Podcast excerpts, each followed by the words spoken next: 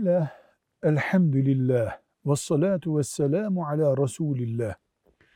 Allah'ı zikretmek, yani hatırlamak, o hatırlamayı söylemek, beyan etmek, dille yapılır, kalple yapılır.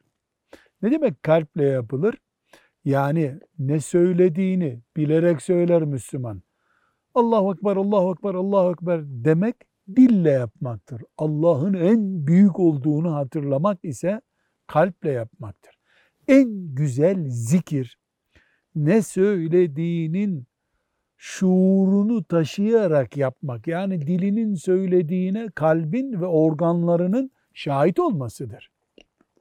Bir nevi itiraf ederek söylemektir. Ama Müslüman kalbiyle ve bütün beyniyle bunu karşılayamıyor diye diliyle zikir yapmamalı asla. Asla. Kur'an bir zikir çeşidi olarak keşke kalbimiz de Kur'an okusa, beynimiz de okusa ama dilimizin okuduğu da Kur'an'dır.